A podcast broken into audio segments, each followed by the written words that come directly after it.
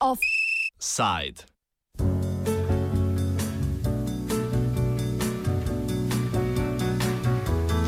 Državni zbor je včeraj potrdil novelo zakona o financiranju zasebnih osnovnih šol. Sprememba za razliko od prejšnjega enotnega 85-odstotnega financiranja v prvi vrsti vzpostavlja delitev na kategoriji obveznega in razširjenega dela programa. Nov sistem financiranja bo tako pokrival celotni del obveznega programa zasebnih osnovnih šol, medtem ko bo razširjeni del programa izključen iz državnega financiranja. To pomeni, da bo celotno financiranje programa zasebnih šol po okvirnih ocenah z 85 odstotkov padlo na približno 65 odstotkov.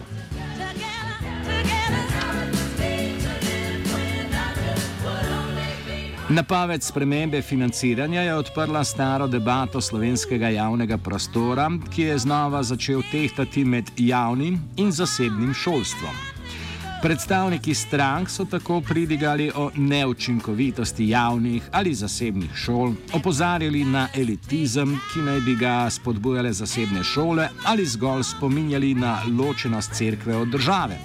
Spomnimo, da dve od šestih državno financiranih zasebnih šol delujejo pod okriljem rimsko-katoliške cerkve.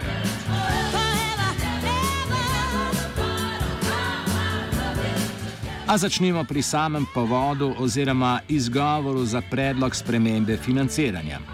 Tega je ministr za izobraževanje Jrnej Pikalo, ki prihaja iz vrst SD, utemeljil na podlagi ustavne odločbe iz konca leta 2014. Sodeč po tej je trenutna zakonodaja v nasprotju s odstavkom 57. člena ustave. Več o tem nam pojasni Marko Balažic, predstavnik inicijative Združenih starši, ki je dan pred obravnavo novele pred parlamentom izvedla protest proti spremembi. Leto ustavno sodišče je jasno reklo, da, da mora biti. V bistvu, da mora biti delež financiranja enak kot, kot v, zaseb, v zasebnih šolah, ki imajo javno veljavni program, samo v teh, da ne bo eh, nesporazuma s tistimi v javnih šolah. In v bistvu tukaj, tako kot so prej ugotovila, da govorimo o obveznem in razširjenem programu, je potem ta interpretacija ta, da mora biti ta del programa krit 100 odstotno. Do zdaj, po zdajšnji ureditvi je ta krit 85 odstotkov in zato se je v bistvu uložila tudi ustavna presoja uh, pred leti, uh, kjer je pač ustavno sodišče to jasno reklo.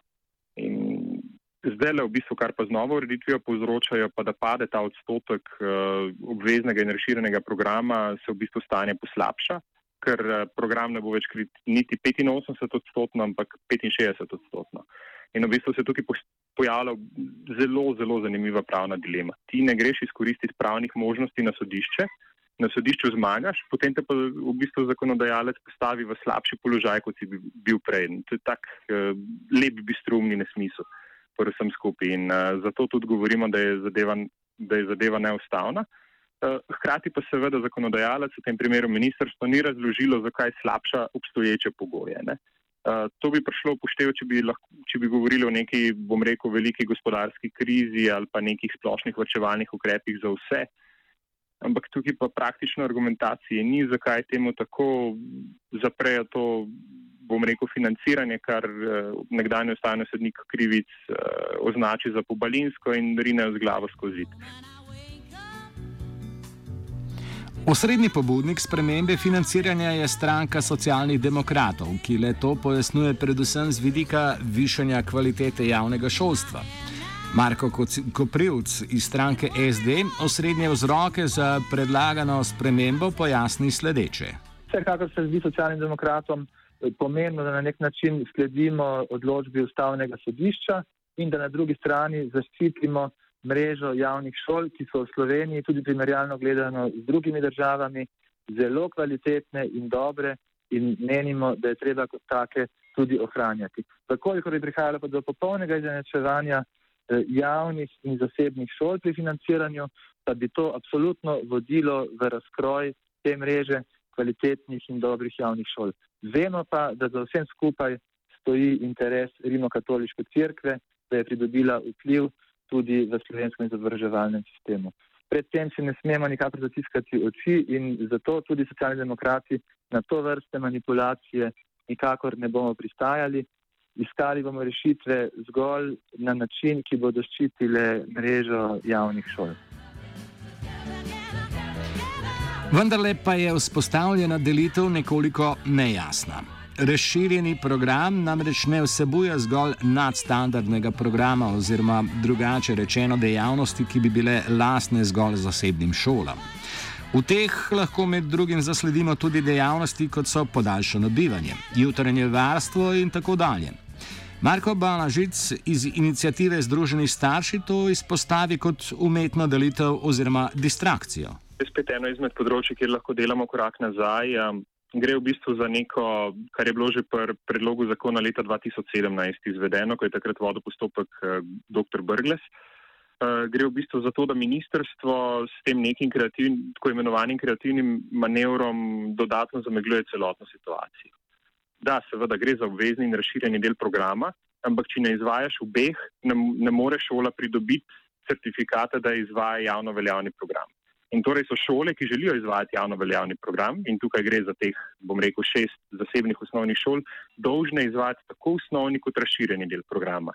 Tudi starši nikoli nismo trdili, da želimo, da nam država plača nadstandard. Ne. Tukaj se zavedamo, to je pač dodatna ponudba, to moramo sami plačevati. In, ampak tisto, kar pa zahteva država in postavlja država kot obvezni program, pa med obveznega štejemo, bom rekel, ta normalni del pouka, Med razširjenega pa lahko pri, prištevamo od jutranjega varstva do popodanskega varstva, do dopolnilnega dodatnega pouka, tudi po nekaterih interpretacijah govorimo o učenju drugega jezika. A veste, to so stvari, ki so v, bom rekel, v državnih oziroma javnih šolah vse brezplačne, po ustavi pašajo v del kurikuluma, zdaj pa tukaj ministrstvo v bistvu dela nek, nek obvod, da tega pa zasebnim osnovnim šolam ne bi priznalo. Ampak seveda, eh, jaz mislim, da je tukaj poanta v tem, da se ravno hoče ustvariti s tem, ko se govori o razširjenem programu, v bistvu zameglevati oziroma to priključiti k temu, da bi, da bi se tukaj povlekla črta do nadstandarda, kar pa nikakor ne more biti. Sprememba bo predvidoma stopila v veljavo že septembra, z začetkom naslednjega šolskega leta. Ne glede na to, pa ne bo zadevala tistih učencev, ki so že upisani v to vrstne osnovne šole, temveč zgolj tiste, ki bodo septembra vstopili v začetne programe.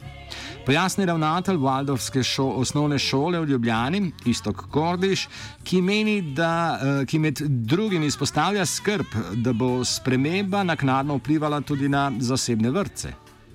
Za obstoječe šole v bistvu nima nobenega učinka, zato ker so prehodne določbe, ki pravzaprav pre, predstavljajo implementacijo tega do uh, konca šolanja te generacije, ki je zdaj upisana. To se pravi, naslednjih devet let se pravzaprav, kar se financiranja ne bo spremenil nič.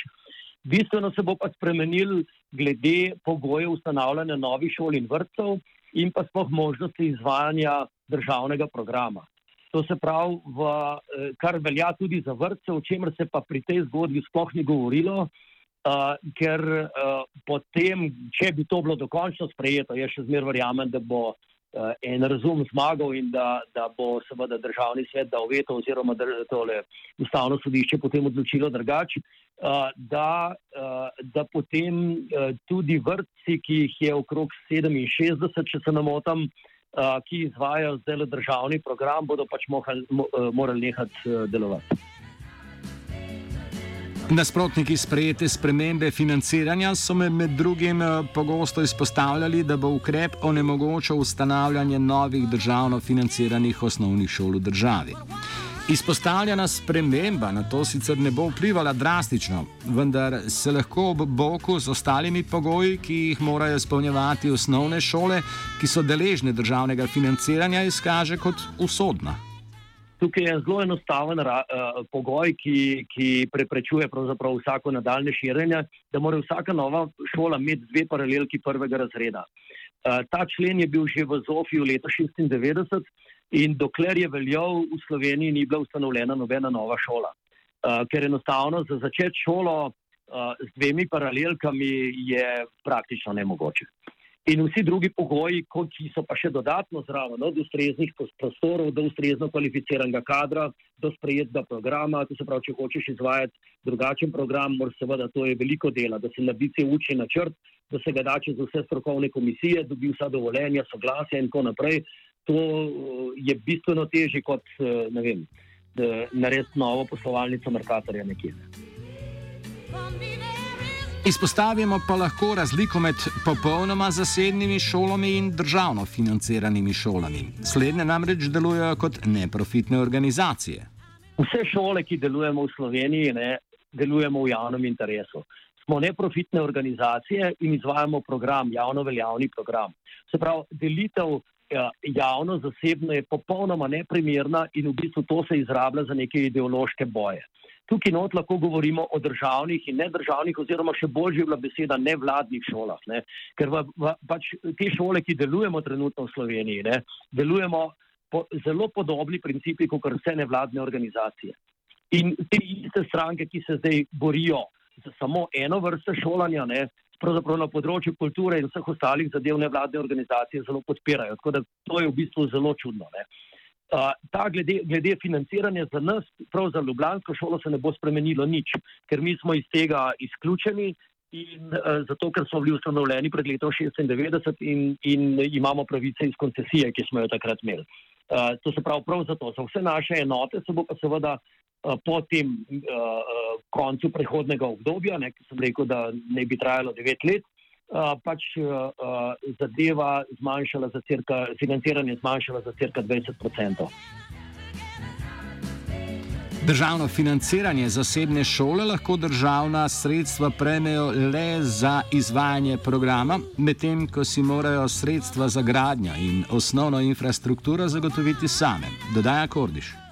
Ja, te, težko, ne? zdaj je odvisno, kdo to ustanavlja. Ne? Tukaj jaz lahko o nas govorim, kot sem že povedal. Valdorska šola, osnovni princip je to, da nastane na, pod, na podlagi inicijative. Se pravi, civilna inicijativa učiteljev in staršev, se pravi, ki si želijo drugačen način pedagogike za svoje otroke, kar je po osnovnih deklaracijah vseh evropskih svetovnih, ki jih je Slovenija tudi podpisala, tudi uh, uh, uh, mora država to omogočiti. Ne? To se pravi, svobodno izbiro glede na razno razne prepričanja ne, uh, uh, za svojega otroka. In če je za dost inicijative, potem lahko tudi lokalna skupnost pri tem pomaga. Zato govorimo o tem, da je to bi bolj primeren naziv bi bil ne državne oziroma še boljše nevladne šole.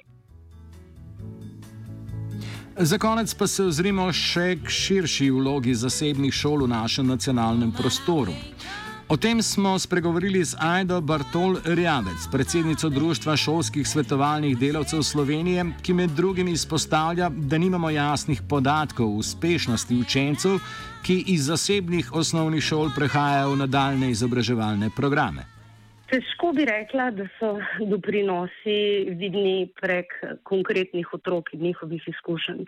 Zagotovo je dobro, da se v slovenskem prostoru nahajajo tudi alternativne pedagogike, da obstajajo izobraževanja, na katera se lahko eventualno vključijo tudi učitelji iz državnih rednih šol, razširijo svoje pedagoško obzore in v končni fazi je tudi javni oziroma državni sistem dovolj svoboden, da dopušča precej avtonomije tudi pri tem, če bi kateri od državnih učiteljev želel preizkušati nove pristope in pedagoške prakse v svojem konkretnem razredu.